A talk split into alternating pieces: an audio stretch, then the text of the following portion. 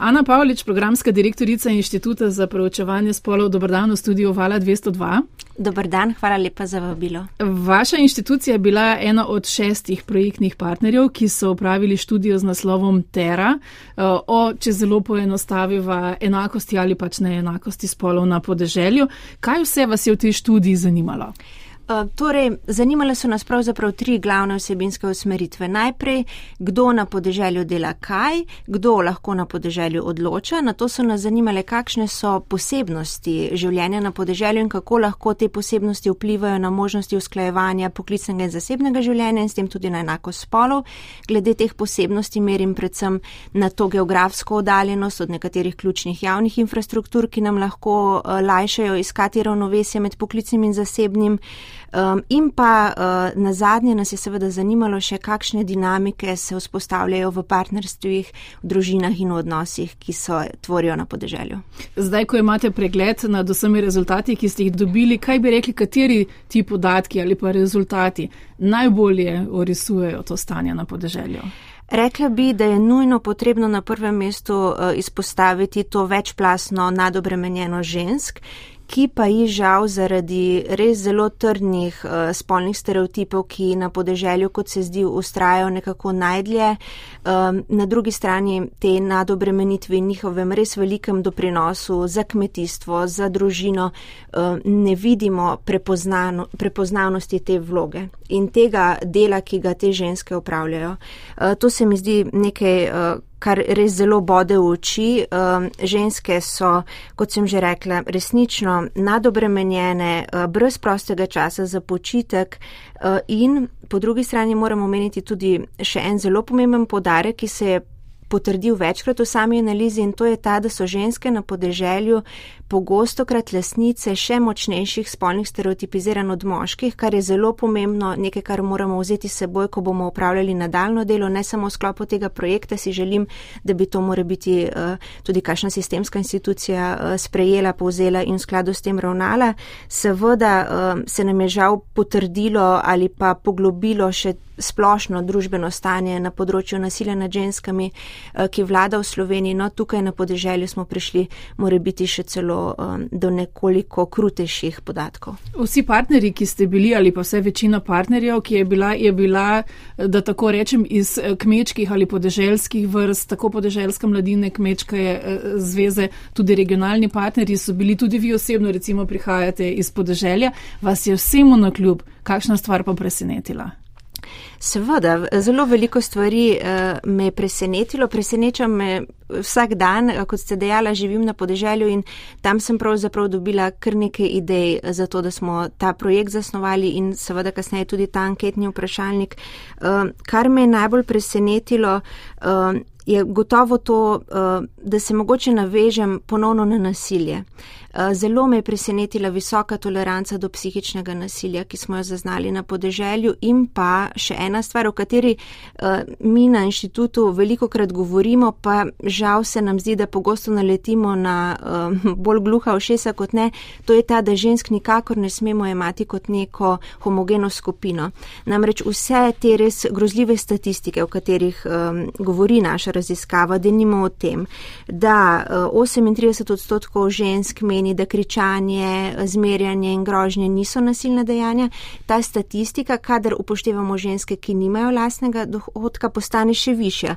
Takšnih je potem kar naenkrat že 50 odstotkov žensk, ki tega psihičnega nasilja ne razume kot nasilja. Tako da te dve stvari sta gotovo nekaj, kar me je izjemno presenetilo. Po drugi strani pa tudi to, da je um, področje usklajevanja poklicnega in zasebnega življenja res zelo, zelo močno omejeno s polnimi stereotipi z stereotipnimi spolnimi vlogami in to se kaže v tem, da ženske praktično uh, nesorazmerno več časa namenijo uh, delu, ki ga moramo upravljati. Govorim o reproduktivnem delu, govorim o delu, ki je nevidno samo zato, ker ga upravljajo ženske, kot tisti spol, ki razpolaga z nižjo družbeno močjo, ampak od reproduktivnega dela imamo korist čisto vsi člani te naše skupnosti in zato morajo k temu prispevati enako tudi moški.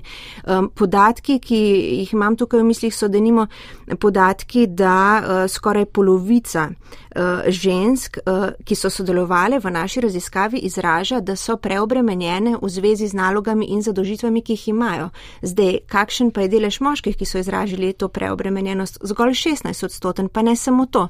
Po drugi strani so te isti moški v 80 odstotkih dejali, da se pa njim zdi, da so naloge in razporeditve vseh teh zadožitev v njihovi družini ali pa v partnerskem odnosu enakomerne, kar je res nekaj grozljivega, pa če lahko samo nadaljujem še en korak um, z reproduktivnim delom, ki je seveda zelo povezan tudi z skrbjo um, oziroma času, ki ga namenimo za skrb, uh, za skrb za otroke in tako naprej.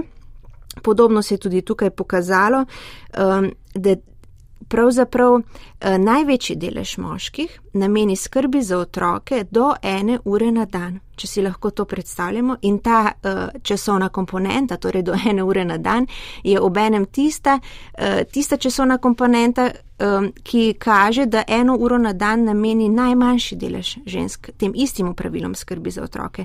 Še bolj se je to pokazalo tudi v um, reproduktivnem delu, ki je povezano s skrbjo za dom, ko je skoraj polovica moških dejala, da tem oblikam dela nameni manj kot eno uro časa na dan ampak več kot 80 odstotkov žensk pa temu delu nameni 2 do 4 ure časa na dan, ob tem, da obstaja pa celo 17 odstotkov moških, ki pa teh del sploh ne upravlja. Tako da si lahko predstavljamo, kako je v kontekstu teh stereotipnih vlog, ko se nam zdi, da so očitno ženske um, naravno bolj primerne ali pa je bolj pričakovano od njih gotovo, da to delo upravljajo, kako pravzaprav lahko sploh one uh, govorijo o usklajevanju poklicnega in zasebnega življenja oziroma kako so mm, otežene njihove možnosti doseganja enakosti spolov.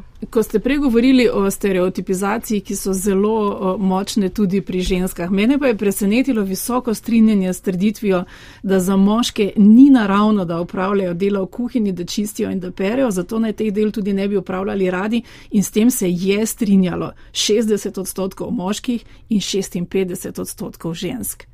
Ja, um, pravzaprav so te trditve, ki jih navajate, uh, bile poskus, s katerim smo želeli pravzaprav v anketi najti razloge za, um, za tako nesorazmerno delitev dela. In seveda nismo razlogov našli nikjer druge, kot v tem res trdovratnem, uh, trdovratnem stereotipiziranju, ki pravzaprav temeli na ideji, da so ženske na podeželju še vedno bolj kot karkoli drugega skrbnice zasebnega, pa ne samo to, da je žal to njihovo delo prepoznano kot nevidno in manj pomembno. In predvsem tudi neplačano, kar pomeni hkrati, da ne glede na to, da same sebe opisujejo kot zelo obremenjene, so bistveno bolj ekonomsko odvisne od tega, kar recimo družina ustvari oziroma dela na kmetiji, kot pa um, recimo moški. Absolutno. In uh, mislim, da je to krasna istočnica, um, s katero bi lahko nadaljevali ob vsem tem delu, ki ga pravzaprav ženske opravijo, ob res velikem pomenu tega dela, kakšna pa je potem moč njihovega glasu, kadar se družina ali partnerstva odločijo, da je treba sprejeti kakšno pomembno odločitev ta, takrat se pravzaprav uh, te spolni stereotipi in njihova, uh, njihova moč še enkrat pokažejo, ko, ko smo v naši raziskavi analizirali, kdo po vsem tem opravljenem vidnem in nevidnem delu, kdo pravzaprav lahko odloča, smo ugotovili, da okolikor se pač odločitve ne sprejemajo v soglasju, po pogovoru in kot so dejali naši anketiranci in anketiranke, um, se ne bi odločitve tako sprejemale kar v približno polovici primerov, ampak če do tega Komaj ne pride, tako, ampak če do tega tega ne pride, odločitve sprejemajo kdo? Moški, za njimi sledijo starejši člani družine, moč ali pa moč mnenja žensk pa je zreducirana pravzaprav na mnenje mlajših članov družine. Še posebno, kadar gre za odločitve, ki se tičejo financ ali pa kmetije, nekoliko večjo moč uh, ženskega glasu smo opazili zgolj pri odločitvah povezanih z družino kar je, recimo, če nadaljujeva še naprej, potem skoraj da logično, da pridemo tudi do tega, da je uh, mladih prevzemnikov, torej tistih, ki postanejo lastniki kmetije in prevzamejo od starejše generacije do 40. leta, komaj 4 odstotke. In hkrati, da če je le mogoče, vse podatki tako kažejo, dobi to lastništvo nekdo, ki je moški. Tako je. Eh, podatki, ki eh, veljajo za Slovenijo, nam kažejo, da je 46 eh, odstotkov žensk so udeleženih v dejavnostih, ki jim lahko pravimo kmetijsko gospodarstvo. podatki, ki nam kažejo, koliko je ženski so nosilke tega uh, kmetijskega gospodarstva, so že precej nižji, so nižji od 30 odstotkov. Podatki, ki pa nam kažejo, koliko žensk pa je lasnic tega uh, kmetijskega gospodarstva, pa so 10 odstotni. Torej zgolj 10 odstotkov žensk je lasnic tega uh, gospodarstva. Zanimalo nas je v raziskavi, kot ste dejali, um, zaradi te stereotipne, uh, stereotipne miselnosti, ki spremlja tudi kmetijsko dejavnost kot tako. Ne? Uh, seveda, kot si vemo, gre za neko dejavnost, v kateri uh, potrebujemo preudarnega in močnega, močnega gospodarja, ki bo znal udariti po mizi, ki bo uh, znal upravljati z vso silno in težko mehanizacijo, ki se bo znal dobro odločiti in tako naprej. Uh, je jasno, da je ta naš diskurs še vedno precej um, usmerjen v to, da je kmetijska dejavnost pravzaprav dejavnost moškega spola, vloga žensk pa je nekako uh, podporna in ustaja v ozadju. Eh, pravzaprav grozljivo je to, da se nam je pokazalo, kako, kako uh, so ženske in moški. Moram tukaj podariti, da so tudi moški uh, predvsej govorili o tem, da se tudi njim zdi, da spol moških še vedno močno vpliva na to, kdo bo dedoval kmetijska zemlišča. In to je gotovo nekaj, kar je še en dokaz tega, o čemer govoriva celotni pogovor, da nimo 66 odstotkov žensk se je močno strinjalo s tem, da imajo sinovi dediči prednost, ampak po drugi strani so tudi v skoraj 50 odstotkih temu pritarjevali tudi moški anketeranci. Tako da je ta miselnost še vedno zelo živa in gotovo tudi realna. Eh, tudi vaša anketa, ampak tudi sicer znano dejstvo je torej eh, lastništvo in pa moč odločanja je v moških in v odraslih rokah. Eh, zato me je posebej zanimalo, kaj o tem mislijo mladi, ki živijo na podeželju. Zveza slovenske podeželske mladine je krovna organizacija za mlade z podeželja ali pač tiste, ki se podeželju na nek način čutijo pripadni. In projektna sodelavka, ki je sodelovala tudi pri tej vaši raziskavi in predstavlja v njej Zvezo slovenske podeželske mladine, Dominika Klauš pravi, da je med mladimi trdovratnih spolnih stereotipov sicer manj, da so tradicionalne spolne vloge vendarle že drugače porazdeljene in pa, kar je razveseljivo, da enakovrednost, ekonomska neodvisnost in pa vloga pri sprejemanju odločitev in položaj žensk na splošno mlade zelo zanimajo in se jim zdijo to zelo pomembne teme. Dominika Klauš.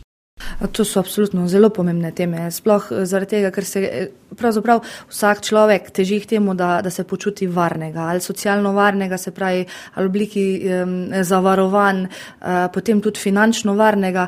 In um, v preteklosti se mi zdi, predvsem naše, recimo naše mame, mogoče naše babice, uh, tega zagotovila niso imele.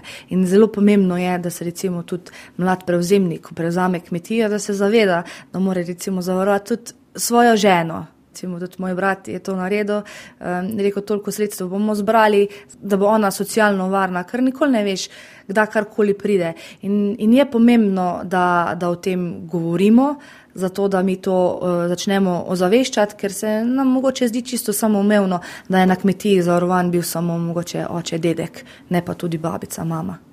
Pa se to pri tistih, ki ostajajo doma in so ekonomsko odvisni recimo od kmetovanja, tudi v praksi pri mladih generacijah že spreminja? Mislim, da se, ja, da se, se, se spreminja. Ja. Medtem ko pa te stereotipne vloge znotraj nekega gospodinstva, zakaj se vam zdi, da tukaj škripa, če vendarle so mladi tudi na podeželju bistveno bolje izobraženi, preko spleta imajo bistveno več stika z urbanimi okolji, z, z drugačnimi mnenji, z drugačnimi vtisi. Zakaj je to tako trdovratno, kaj mislite?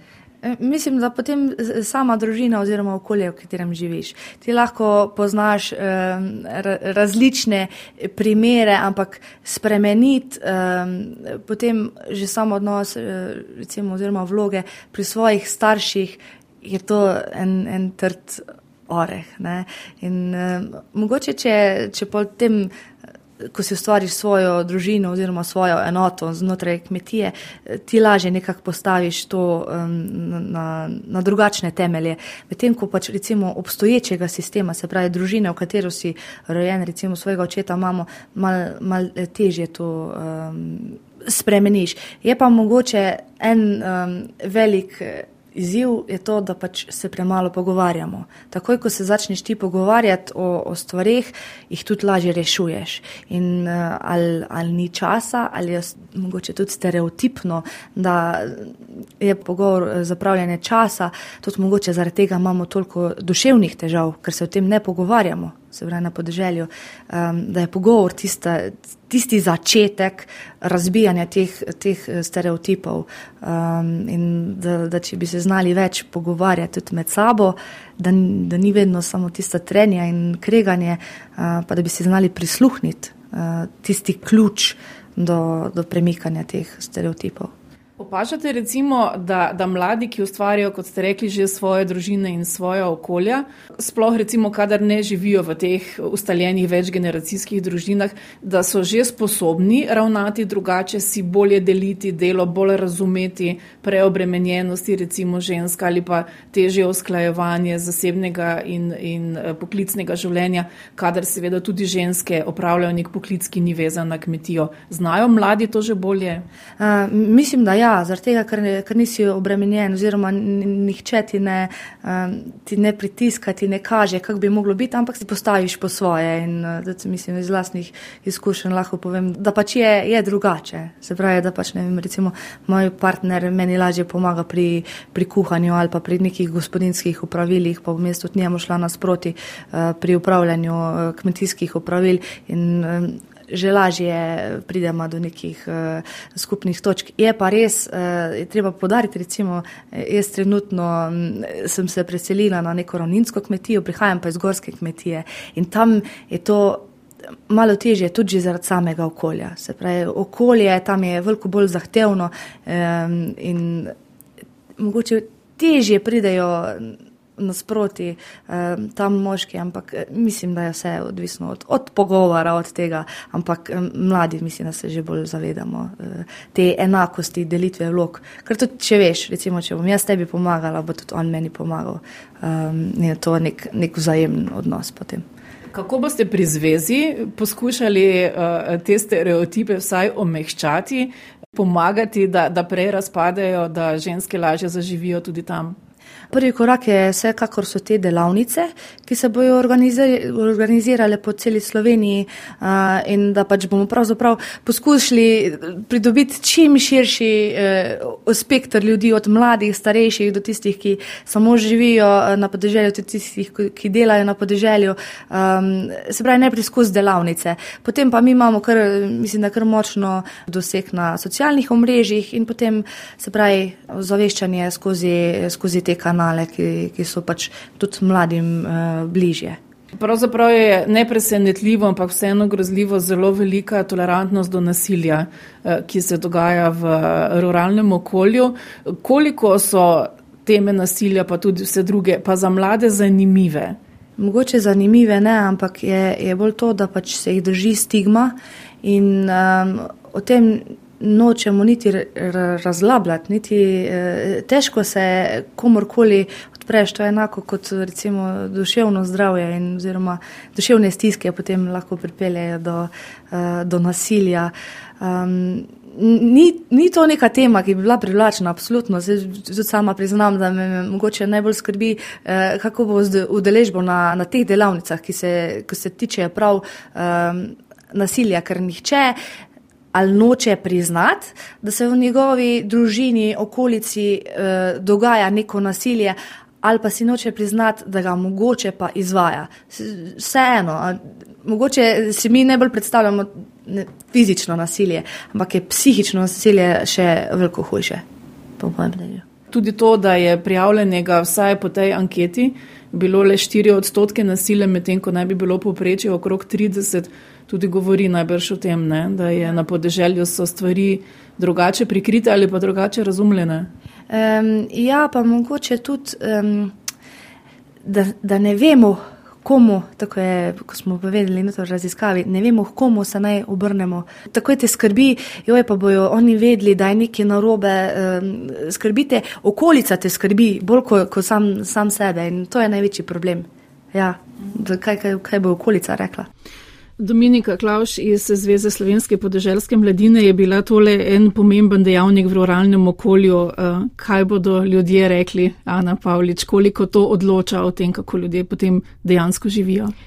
To uh, prav pri temi, eh, ki jo je Dominika zdaj naslovila, torej pri problematiki eh, ne samo preprečevanja, ampak predvsem prijave nasilja, igra zelo veliko vlogo, kaj, kaj ti govorimo o okoljih, kjer se vsi med seboj poznajo, kar pomeni, da obstaja tudi zelo velika verjetnost, da osebe, eh, ki so žrtve nasilja, poznajo ljudi, ki so v sistemu, kateri, s katerimi bi pač prišle v stik, če tudi bi se odločile za to, da bodo nasilje, ki se nad njimi izvaja, izvaja, prijavile.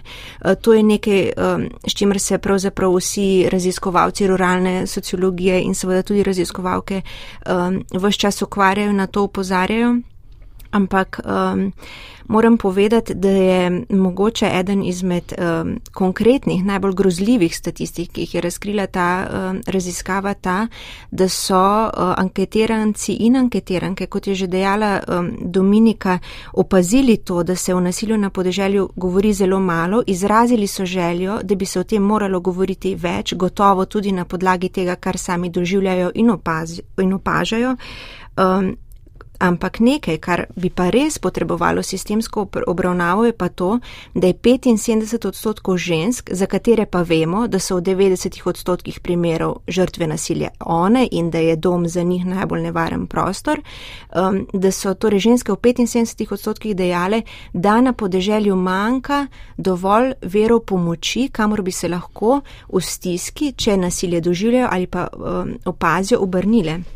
To pa se mi zdi, da je res zaskrbljujoč podatek, eh, kateremu eh, bi se veljalo obrniti in eh, ga poskušati spremeniti. Ker nevladne organizacije, ki so tukaj zelo pomembne, so praktično vse skoraj da osredotočene na Ljubljano oziroma delujejo na Ljubljani, redke celo zunaj Ljubljane. Seveda to ni edini vir pomoči pri nasilju, je pa kar pomemben, predvsem, kadar gre za res hudo nasilje, kjer je potreben umik, ampak podobna tema pravzaprav pravzaprav eh, je tudi še ena težava, ki jo omenila Dominika Klauš eh, in to, je, to so duševne stiske. Prvič so stigmatizirane, drugič je pa eh, pot do pomoči zelo težka. Absolutno. Nevladne organizacije na področju preprečevanja nasilja, pa tudi, upam si trditi, na področju izboljšanja našega duševnega zdravja ali pa stanja, veliko krat upravljajo pomembno delo na mesto države, ki bi morala biti poklicana za to. Ampak mislim, da je eh, tukaj breme na nevladnih organizacijah mora biti še večje in naše pričakovanja eh, tudi ravno zaradi tega, ker eh, mnoge žrtve nasilja izražajo veliko nezadovoljstvo, pa tudi nezaupanje v um, tako imenovane uradne institucije. Um, zato bi si želela, ja, v idealnem svetu, da bi um, nevladne organizacije mogoče ta apel prepoznale in s kakšnimi uh, storitvami in programi more biti pre, prišle v te sredine, uh, ki jih že ponujajo organizacije, ki so tudi naše partnerske organizacije v tem projektu, recimo Zveza kmetic Slovenije, Zveza slovenske podeželjske mladine in tako naprej. Uh, Ana Pavlič, programska direktorica Inštituta za proučevanje spolov, uh, ko govoriva o vseh rezultatih uh, te vaše raziskave, ki ste jo opravili o enakosti spolov in možnosti tudi za poklicni razvoj žensk na podeželju, se vendarle postavlja vprašanje, ali so te težave, ki jih imajo, bolj stvar družbenega razreda teh žensk ali dejansko samo odmaknenosti nekih značilnosti podeželja.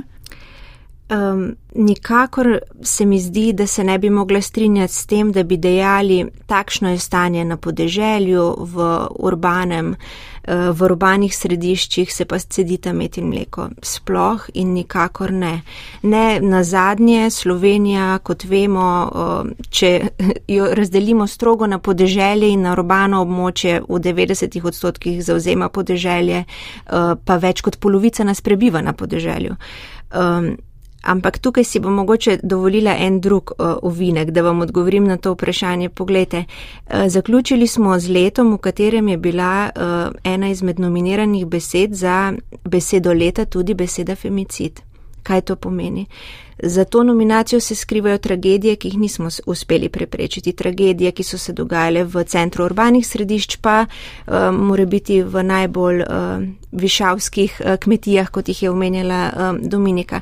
Po drugi strani pa smo priča um, neki res uh, izjemni mo moči ali pa velikemu prostoru, ki se uh, zadnje čase v Sloveniji namenja uh, glasovom ki pravzaprav um, ustvarjajo avtocenzuro s tem, da se nam zdi, da je skoraj da bogokletno, da se vključemo za feministke, za feministe, da pravimo, da zagovarjamo enakost.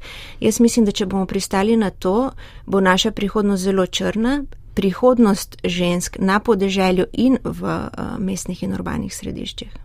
Eh, ta trdovratnost nekih spolnih stereotipov, tako pri moških in pri ženskah, ki ste jo ugotovili med ljudmi, ki živijo na podeželju, je tukaj zelo pomembno, ali so ti ljudje tudi preživetveni vezani na kmetijsko dejavnost in je torej kmetijstvo njihova 24-urna preokupacija, eh, ali pa, če se recimo odpeljajo vsaj v službo v neko drugo okolje. Je tu pri tej stereotipizaciji to pomemben faktor? Je, ampak do določene mere. Um, gotovo tisti, ki se ukvarjajo tudi s kmetijsko dejavnostjo, imajo še precej manj prostega časa kot tisti, ki uh, delajo druge. Um, tukaj bi mogoče um, to vaše vprašanje razširila. Zelo pomemben faktor je spol se pravi, temu dejstvu, kje uh, delamo, moramo dodati še spol. Uh, najmanj težav na področju usklajevanja poklicnega in zasebnega življenja imajo, kot se je pokazalo v naši uh, analizi, moški, ki na podeželju samo živijo in delajo druge. Zdaj lahko pa seveda še naprej debatiramo o tem, zakaj je temu tako. Gotovo zaradi vseh stereotipov, ki jim pač omogočajo, da enkrat po službi pridejo domov, se spočijejo, počakajo, da njihove partnerke pripeljejo otroke iz oddaljenih krajev, kamor so jih razvažali na obveznosti, pa potem partnerke upravijo še tretjo izmeno tistega dneva in potem se v meru pripravijo na nov delovni dan. Um, tako da temu je nujno dodati tudi spol. Moram pa upozoriti še na eno zelo pomembno značilnost, ki pa se je pokazala ko smo analizirali zgolj odgovore ljudi, ki torej na podeželju živijo in tam tudi delajo. In kaj smo tam ugotovili? Da so pravzaprav samo ženske bile tiste, ki so v zadnjih desetletjih, in to se nam je potrdilo tudi v pogovorih s član, člani uh, Zveze slovenske podeželjske mladine in članicami Zveze kmetic Slovenije, da so ženske v zadnjih desetletjih nase prevzemale mnogo tako imenovanih moških stereotipnih dejavnosti, ki se upravljajo na kmetijah, moški pa tega preskoka niso naredili. In ženskam pri tistih njihovih stereotipnih dejavnostih, kot so denimo skrb za mehne živali, pa skrb za vrt, pa skrb za rastlinjak, bolj pogosto kot moški na pomoč priskočijo mlajši člani družine ali pa starejši. Torej lahko vidimo, da so tiste ženske, ki delajo na kmetijah, res obremenjene svojim delom, eh, enakovredno in polnovredno so vključene v tako imenovano moško delo, tudi v takšno delo, ki se nam zdi res izrazito um, rezervirano za gospodarja, naprimer delo v, go, v gozdu ali pa strojno mehanizacijo. In tako se res lahko vprašamo, kako to, da je za nas kmetijstvo še vedno zgolj moška dejavnost in zakaj moški tega obrata niso storili. Eh, znotraj tega projekta Tera, o katerem govoriva danes, eh, bodo potekale delavnice, ki so bile že prej omenjene, ampak delavnice so seveda za zelo ozek krok ljudi. Kaj lahko kot družba, eh, tudi iz urbanih delov, naredimo, da bi ta potek enako, do, do večje enakovrednosti in enakopravnosti spolov na podeželju malo pospešili, da bi razbili vse kakšne mite, ne na zadnje vsaj priznali delo, ki ga ženske upravljajo, če ga že ne moremo zmanjšati dve stvari. Eh, prva je čisto konkretno vezana na ta projekt. Eh, vse te delavnice, eh, ki jih je omenjala Dominika, bodo tudi posnete in dostopne na naši interaktivni spletni platformi, ki se jo bodo lahko ogledali vsi in jih že danes vabim k temu.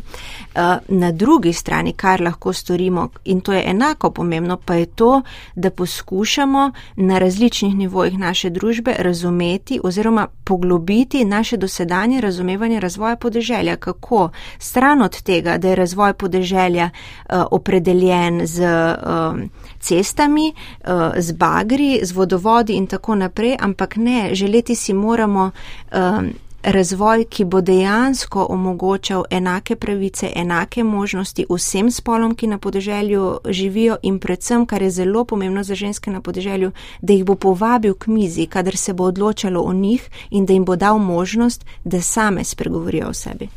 Eh, tradicionalno spolnih vlog, eh, ki je zelo trdovratna tudi pri ženskah, kot sva rekli. Kakšna je vaša razlaga ob vseh teh stvarih, ki ste jih zdaj našteli? Eh, asfaltu, internetu, dostopnosti, vendarle gre za veliko bolje izobražene ljudi, kot je recimo šlo dve, tri generacije nazaj. Zakaj menite, da so te spolne vloge pa tukaj še vedno tako trdovratne tudi pri ženskah? Čisto preprosto bi rekla zato, ker je prevladojoč model interpretiranja sveta ali pa prevladojoč model kreiranja normalnosti in enako pomembno naravnosti na podeželju še vedno zelo, zelo močno podan skozi moško prizmo skozi moške oči in skozi njihovo razumevanje vloge in položaja spolov. In to se je pokazalo tudi uh, v naši raziskavi, ko smo moške in ženske spraševali o tem, kako daleč pa se njim zdi, da smo zdaj na podeželju prišli na področju zagotavljanja ali pa implementiranja enakosti spolov. In kaj pravite, kaj smo ugotovili? Velika večina moških je dejala, da smo enakost pravzaprav skoraj že dosegli, medtem ko so ženske govorile drugače. Zakaj? Ker one svoje življenje živijo iz situacije spola, ki je podrejen. Moški pa v njih razmišljajo iz situacije, ki jim jo omogoča njihov pri, privilegiran položaj v družbi. Bi tukaj bila smiselna uvedba tudi kakšne zakonske eh, pozitivne diskriminacije ali bi unesli le razdor s tem? Um, Jaz mislim, da bi bila, uh, bi pa bilo najbrž zanimivo o tem povprašati uh, predstavnice Zveze kmetic in Zveze slovenske podeželske mladine. Mislim pa, da bi bila, um, ker je nedvomno dejstvo, da premalo slišimo o njih, eh, o ženskah na podeželju, o njihovih težavah eh, in poleg tega, da bi si jih jaz več želela v vseh organih eh, upravljanja in odločanja, bi bila to tudi gotovo ena izmed poti v bolj enak jutri. Ana Pavlič, programska direktorica Inštituta za poročevanje spolov, kaj se vam osebno zdi najpomembnejše sporočilo, ki ste ga dobili iz te raziskave? Najpomembnejše sporočilo da je čas za več feminizma na podeželju. Uh, samo še to, včasih mi pravzaprav velikih mest nimamo, ne? ampak včasih se zdi, da so mesto in, ali pa mesta in podeželje dva popolnoma ločena svetova, planeta in tako dalje. Um, menite po tej raziskavi, da sta res ali se pravzaprav, kako ne rečem, uh, samo napačno lotevamo stereotipov v urbanih eh, področjih. Ne, nista. Eh, nista um, sta del istega sveta.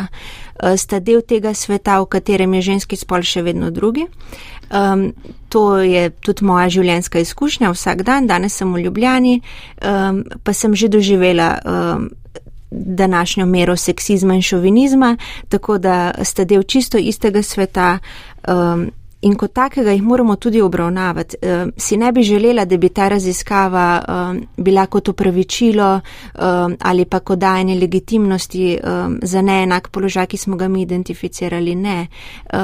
Te stvari in te problematike je treba naslavljati širše, sem pa zelo vesela, da smo končno dobili možnost, da se tega lotevamo tudi na podeželju. Kot kaže, dela bo pa dovolj, kamorkoli pogledamo. Kot kaže res. Hvala lepa vam za obiska na Pavlič. Hvala vam.